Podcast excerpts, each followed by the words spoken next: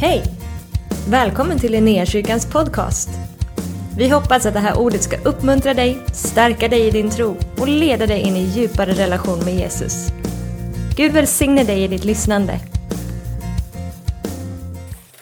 Ja, och dagens evangelietext kommer från Johannes evangeliet kapitel 5, vers 1 till 9. Därefter inföll en av judarnas högtider och Jesus gick upp till Jerusalem. Vid fårporten i Jerusalem finns en damm som på hebreiska heter Betesda. Den har fem pelargångar och i dem låg många sjuka, blinda, halta och lama. Där fanns en man som hade varit sjuk i 38 år.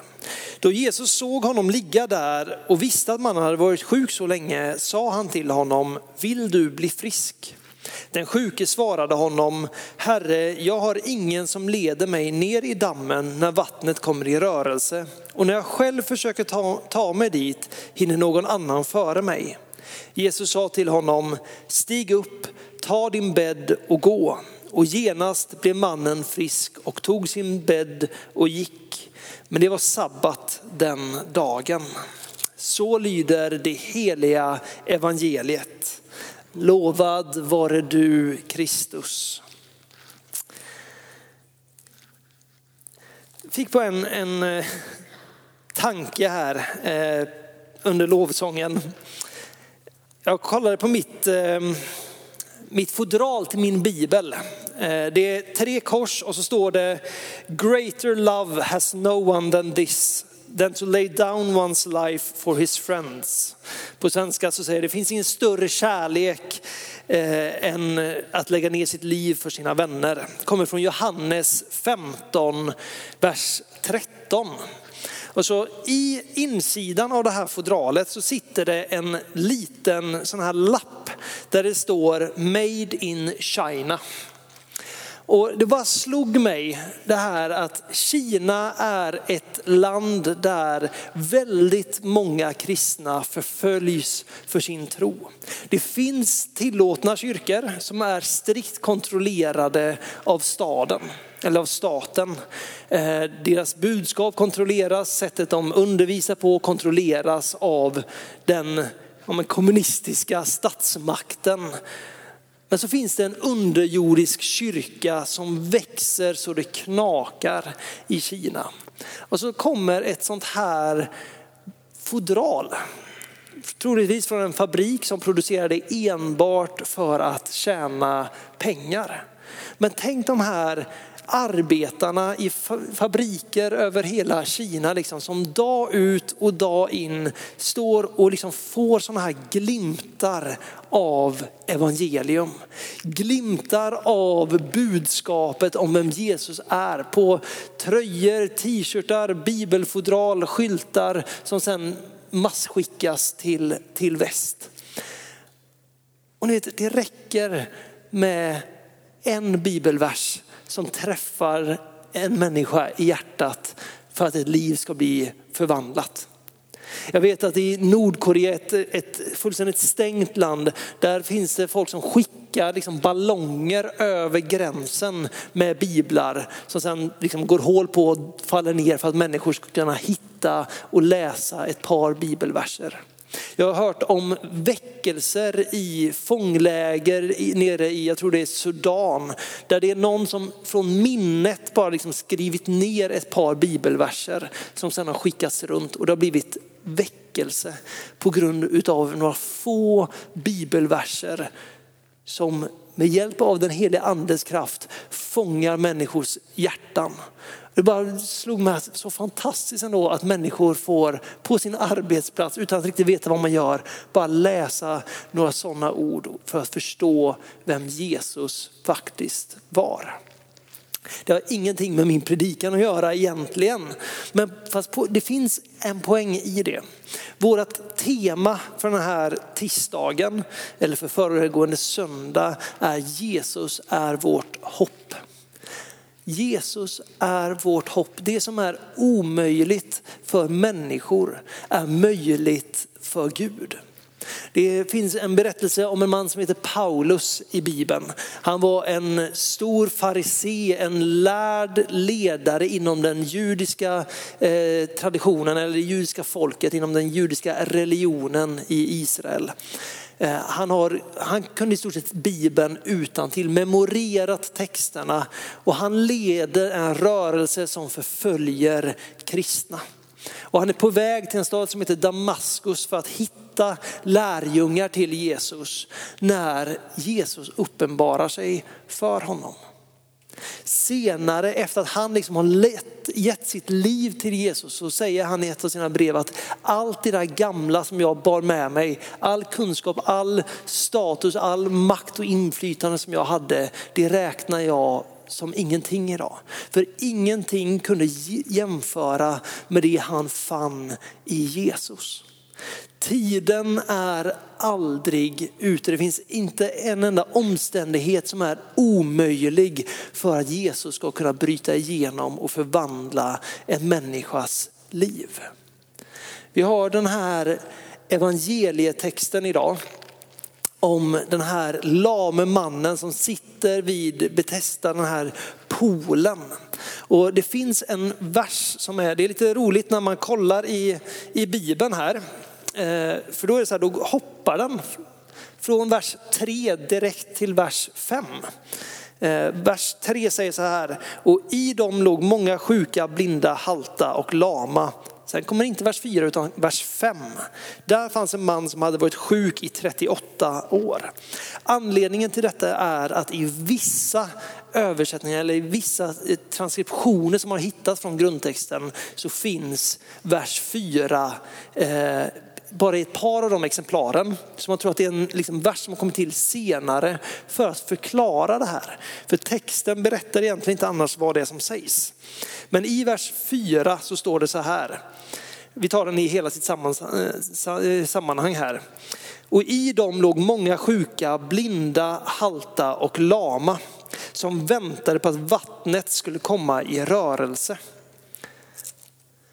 Vid den här poolen så fanns det i eh, Jerusalem en eh, tro på att när vattnet i den här poolen kommer och börjar, liksom börjar röra på sig så är det en Guds ängel som kliver ner där. Och då var det nästan som en tävling för de här sjuka människorna som låg där att komma först ner och få röra vid det här vattnet för att kunna få ta emot sitt helande. Den här mannen som har legat där i så många år. Som har liksom längtar efter att få vara den där som Gud rör vid för en gångs skull. Han har liksom gett upp hoppet. Jesus kommer fram till honom och frågar, vill du bli frisk? Och hans svar är, det finns ingen som hjälper mig ner i vattnet. Det, när jag själv försöker så är det alltid någon annan som hinner dit före mig. Det här är en man som har gett upp. Han vet att svaret finns nere där i det här vattnet, men så fort jag försöker så är det ute. Det har gått för många år för att han ska orka tro på ett mirakel.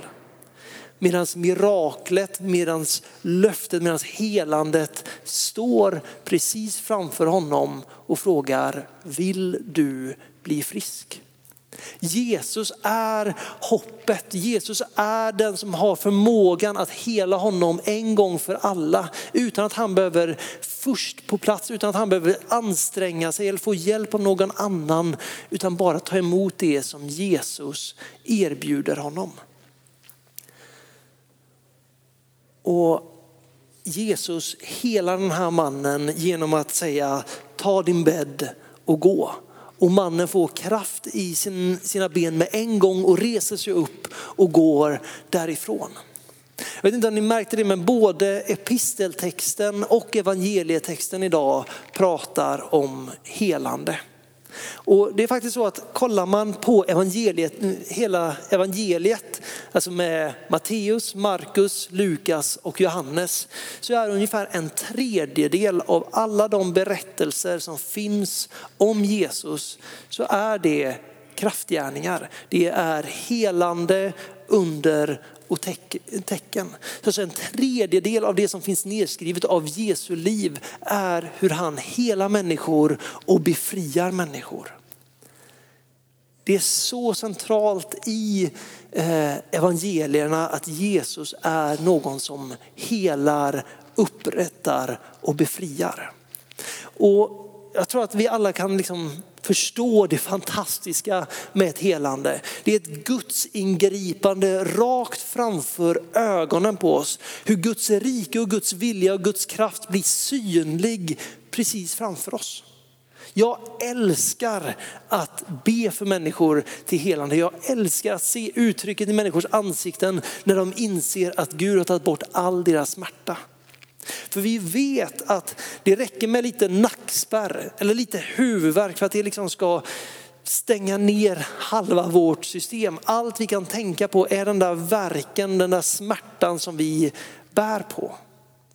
Det finns människor som har burit smärta under så lång tid som man nästan börjar identifiera sig med smärtan. Och sen när Guds helande kommer i en och samma stund så blir en människa fullständigt fri. Det är underbart att se och bevittna. Men det som är intressant egentligen är att det handlar inte så mycket om själva helandet. Det är fantastiskt att en människa får bli fri. Det är fantastiskt att en människa kan resa sig upp och gå. I det här fallet en människa som har levt hela sitt liv som tiggare för att han inte haft möjligheten att jobba blir återinsatt in i samhället igen för att han helt plötsligt kan börja försörja sig själv. Det är underbart. Men helandet är inte hela grejen. Helandet är någonting som pekar på vem Jesus är. Helandet är någonting som visar att Jesus är sänd ifrån Gud, att Jesus är Guds son som har kommit för att komma med ett evangelium, komma med goda nyheter till människor som får sätta människor fri på djupet, som får sätta människor fria på riktigt. Vi brukar tala om under och tecken. Vi kan se de mest mirakulösa eh, sakerna hända framför våra ögon, men allt det egentligen gör är att peka på vem Jesus är. Det pekar på hans kraft, på hans kärlek, på hans omsorg och på hans förmåga.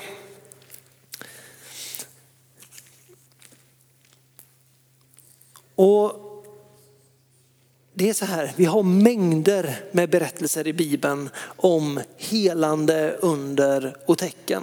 Vi ser det speciellt i, i Jesu liv, hur stor del det tar av berättelserna.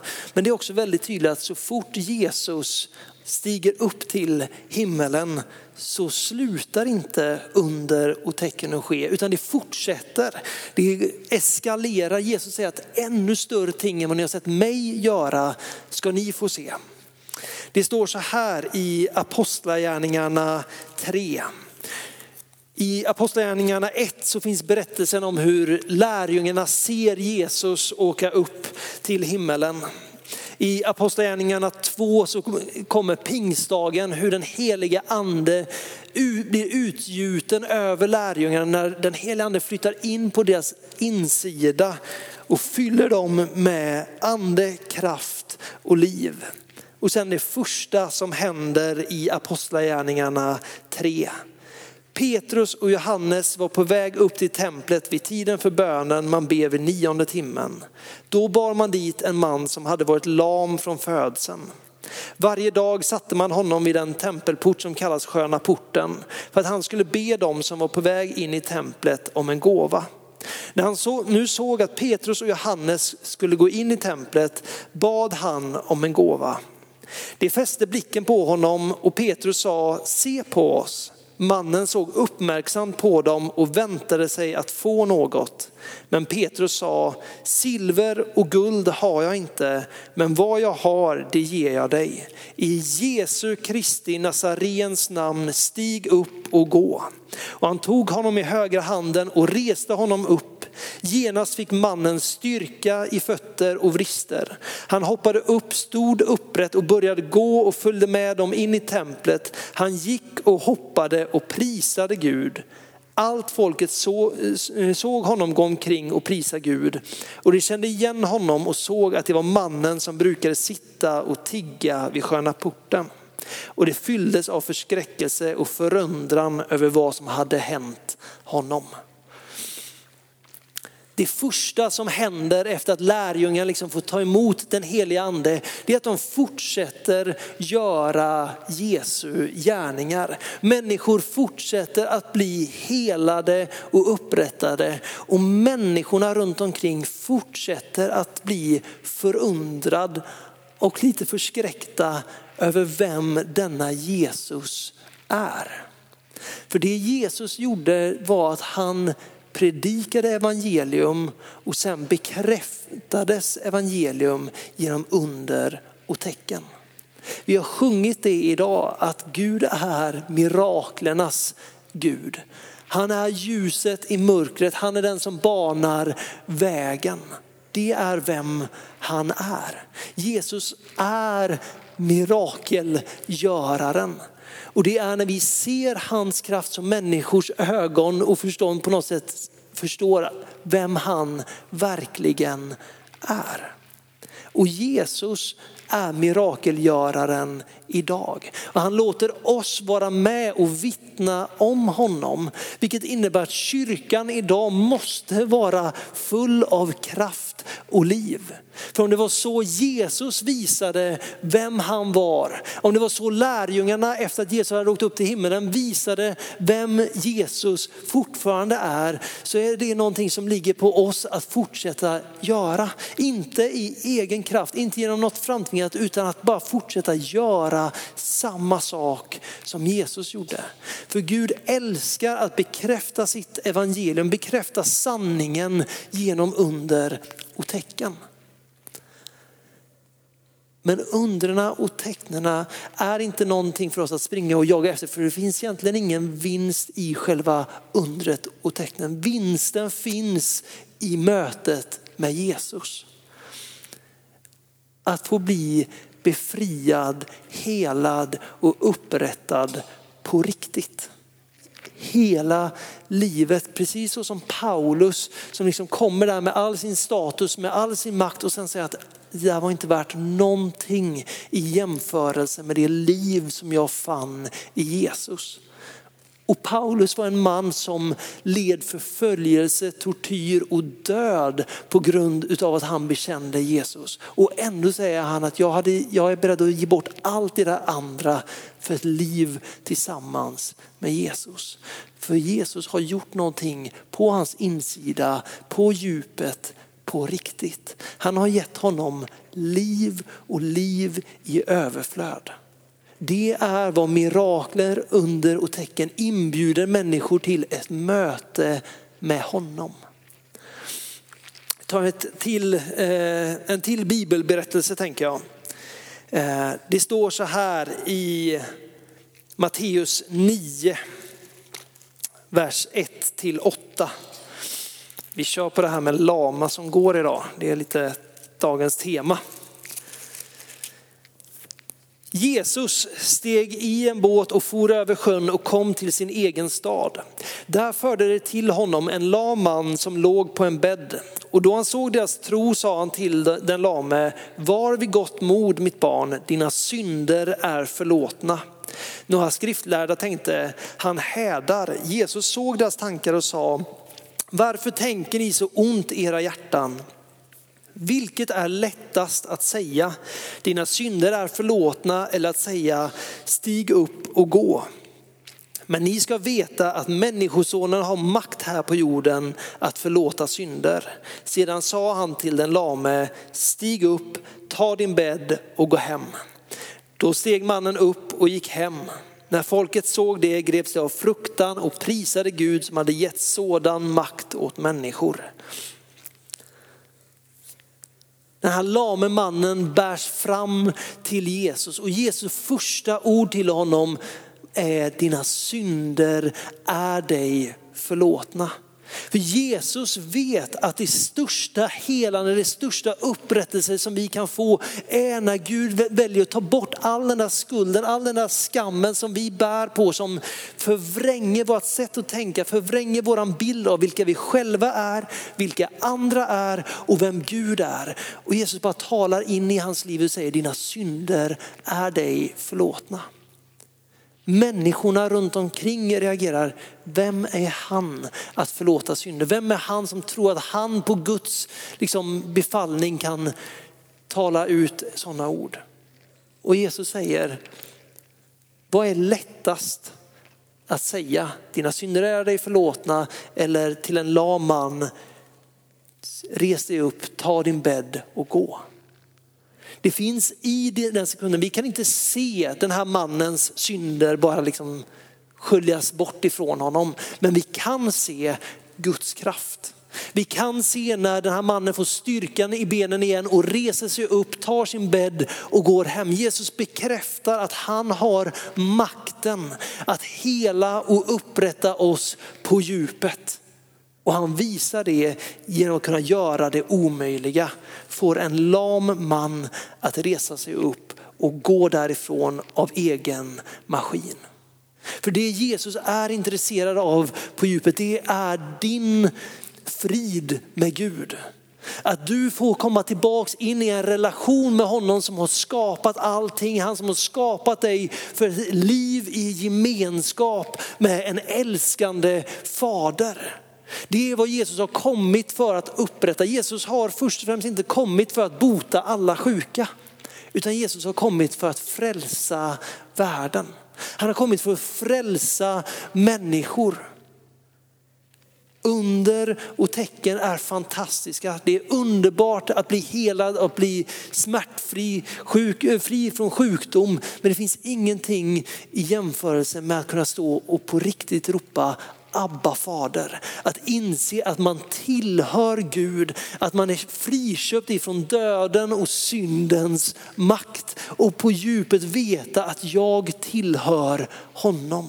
Så vem som än vill anklaga mig så kan jag bara peka på att Jesus har friköpt mig. Jesus har friköpt mig. Vi tar en berättelse till så rundar vi av snart här. Vi går till Lukas kapitel 17.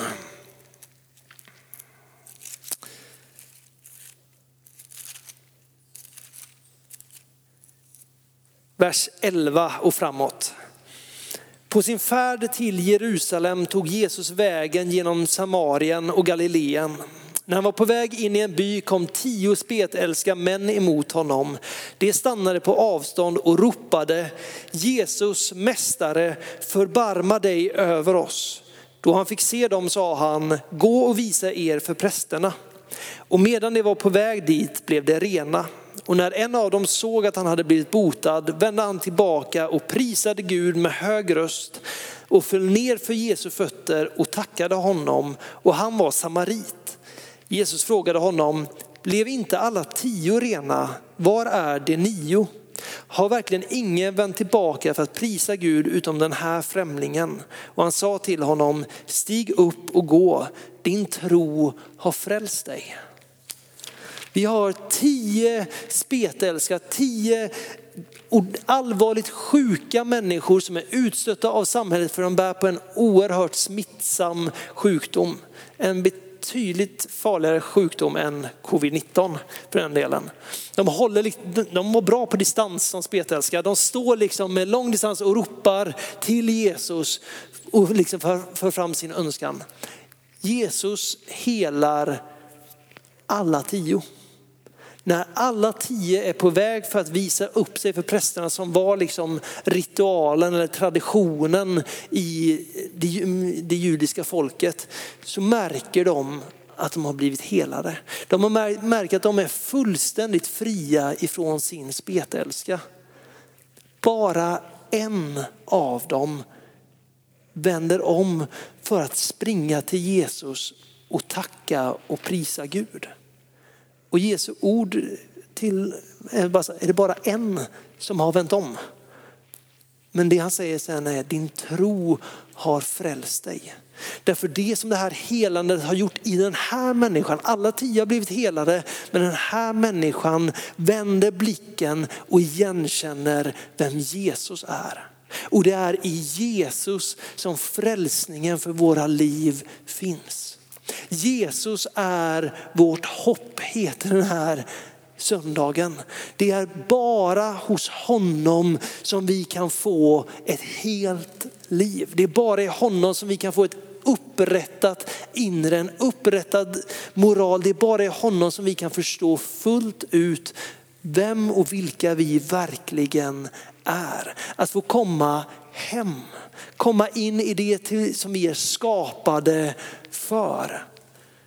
Mirakel, jag säger det igen, är underbara för de kommer alltid peka på och förhärliga Jesus. Men miraklerna i sig är bara en inbjudan till att få komma och ta emot full upprättelse, fullt helande och ett nytt liv i Jesus. Det är intressant när vi kollar på episteltexten. För i evangelierna så säger Jesus till lärjungarna, gå ut och bota de sjuka. Det är vårt uppdrag som kristna att lägga händerna på de sjuka och be för dem i Jesu namn till helande. På den tiden när Jesus säger det här så är kyrkan eh, ganska liten. Det är en extremt missionerande rörelse för varje människa de möter är ofrälst. I episteltexten så talas, talas det till församlingen, hur församlingen ska bete sig. När någon av er är sjuk, ta dem till den äldste som får smörja dem med olja och be en bön. Helande, skulle jag säga, eh, missförstå mig inte nu här, jag ber för alla som låter mig be för dem till helande. Jag tror att det är sunt för oss alla att lägga händerna på de sjuka. Men först och främst så är helande ett sätt att visa för människor vem Jesus är. Det är ett tecken som pekar på honom. Det är ett sätt när vi evangeliserar som får människor att tappa hakan. Jag kommer ihåg det en gång på vår gamla ungdomsgård. Jag var med där som ledare och det kommer in tre tjejer, marinbiologer. Eh, så de var inte från Lysekil utan de hade flyttat till Lysekil och de var extremt anti. Eh, de hade olika sexuella läggningar och var råbarkade feminister och de kommer in där och liksom ska försöka klämma åt oss lite och ställer lite obekväma frågor. Eh, för de vill bara visa att vi tycker och tänker inte samma här. Och så är det en av de här tjejerna som har en stukad fot. Inget allvarligt, inget så här liksom brutet ben eller så som behöver åtgärdas, utan en stukad fot som haltar. Och vi bara frågar, vi som är ledare där, är det okej okay om vi ber för dig? Hon hade ingen tro på vem Jesus var. Men hon sa okej, okay, nästan som liksom för att vi ska få bevisa att det här inte fungerar. Vi lägger händerna på hennes fot och vi säger i Jesu namn var fullständigt helad. Och hennes haka håller på som att falla till golvet när all smärta och all svullnad försvinner på ett ögonblick. Därför vi kan komma med våra höga murar och med vår eh, starka logik och säga att det finns ingen Gud och sen gör Gud någonting mirakulöst och människor står där handfallna. Det betyder inte att de kommer att ge sitt liv till Jesus.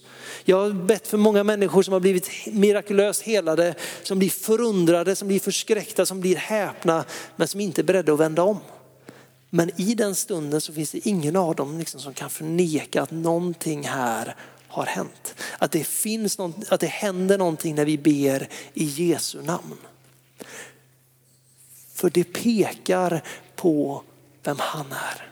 Det pekar på han som är vägen, sanningen och livet. Han som är den enda vägen till Fadern.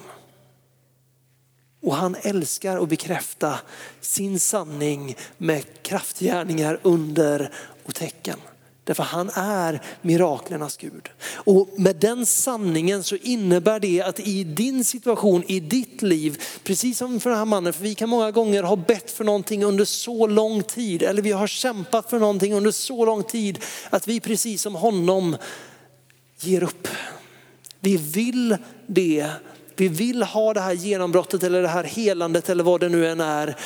Men vi har misslyckats så många gånger så vi ser inte svaret framför våra ögon.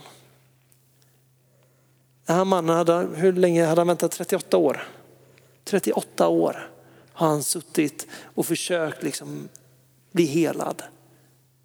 Det kräver att ett möte med Jesus och han tar sin bädd och går helad därifrån.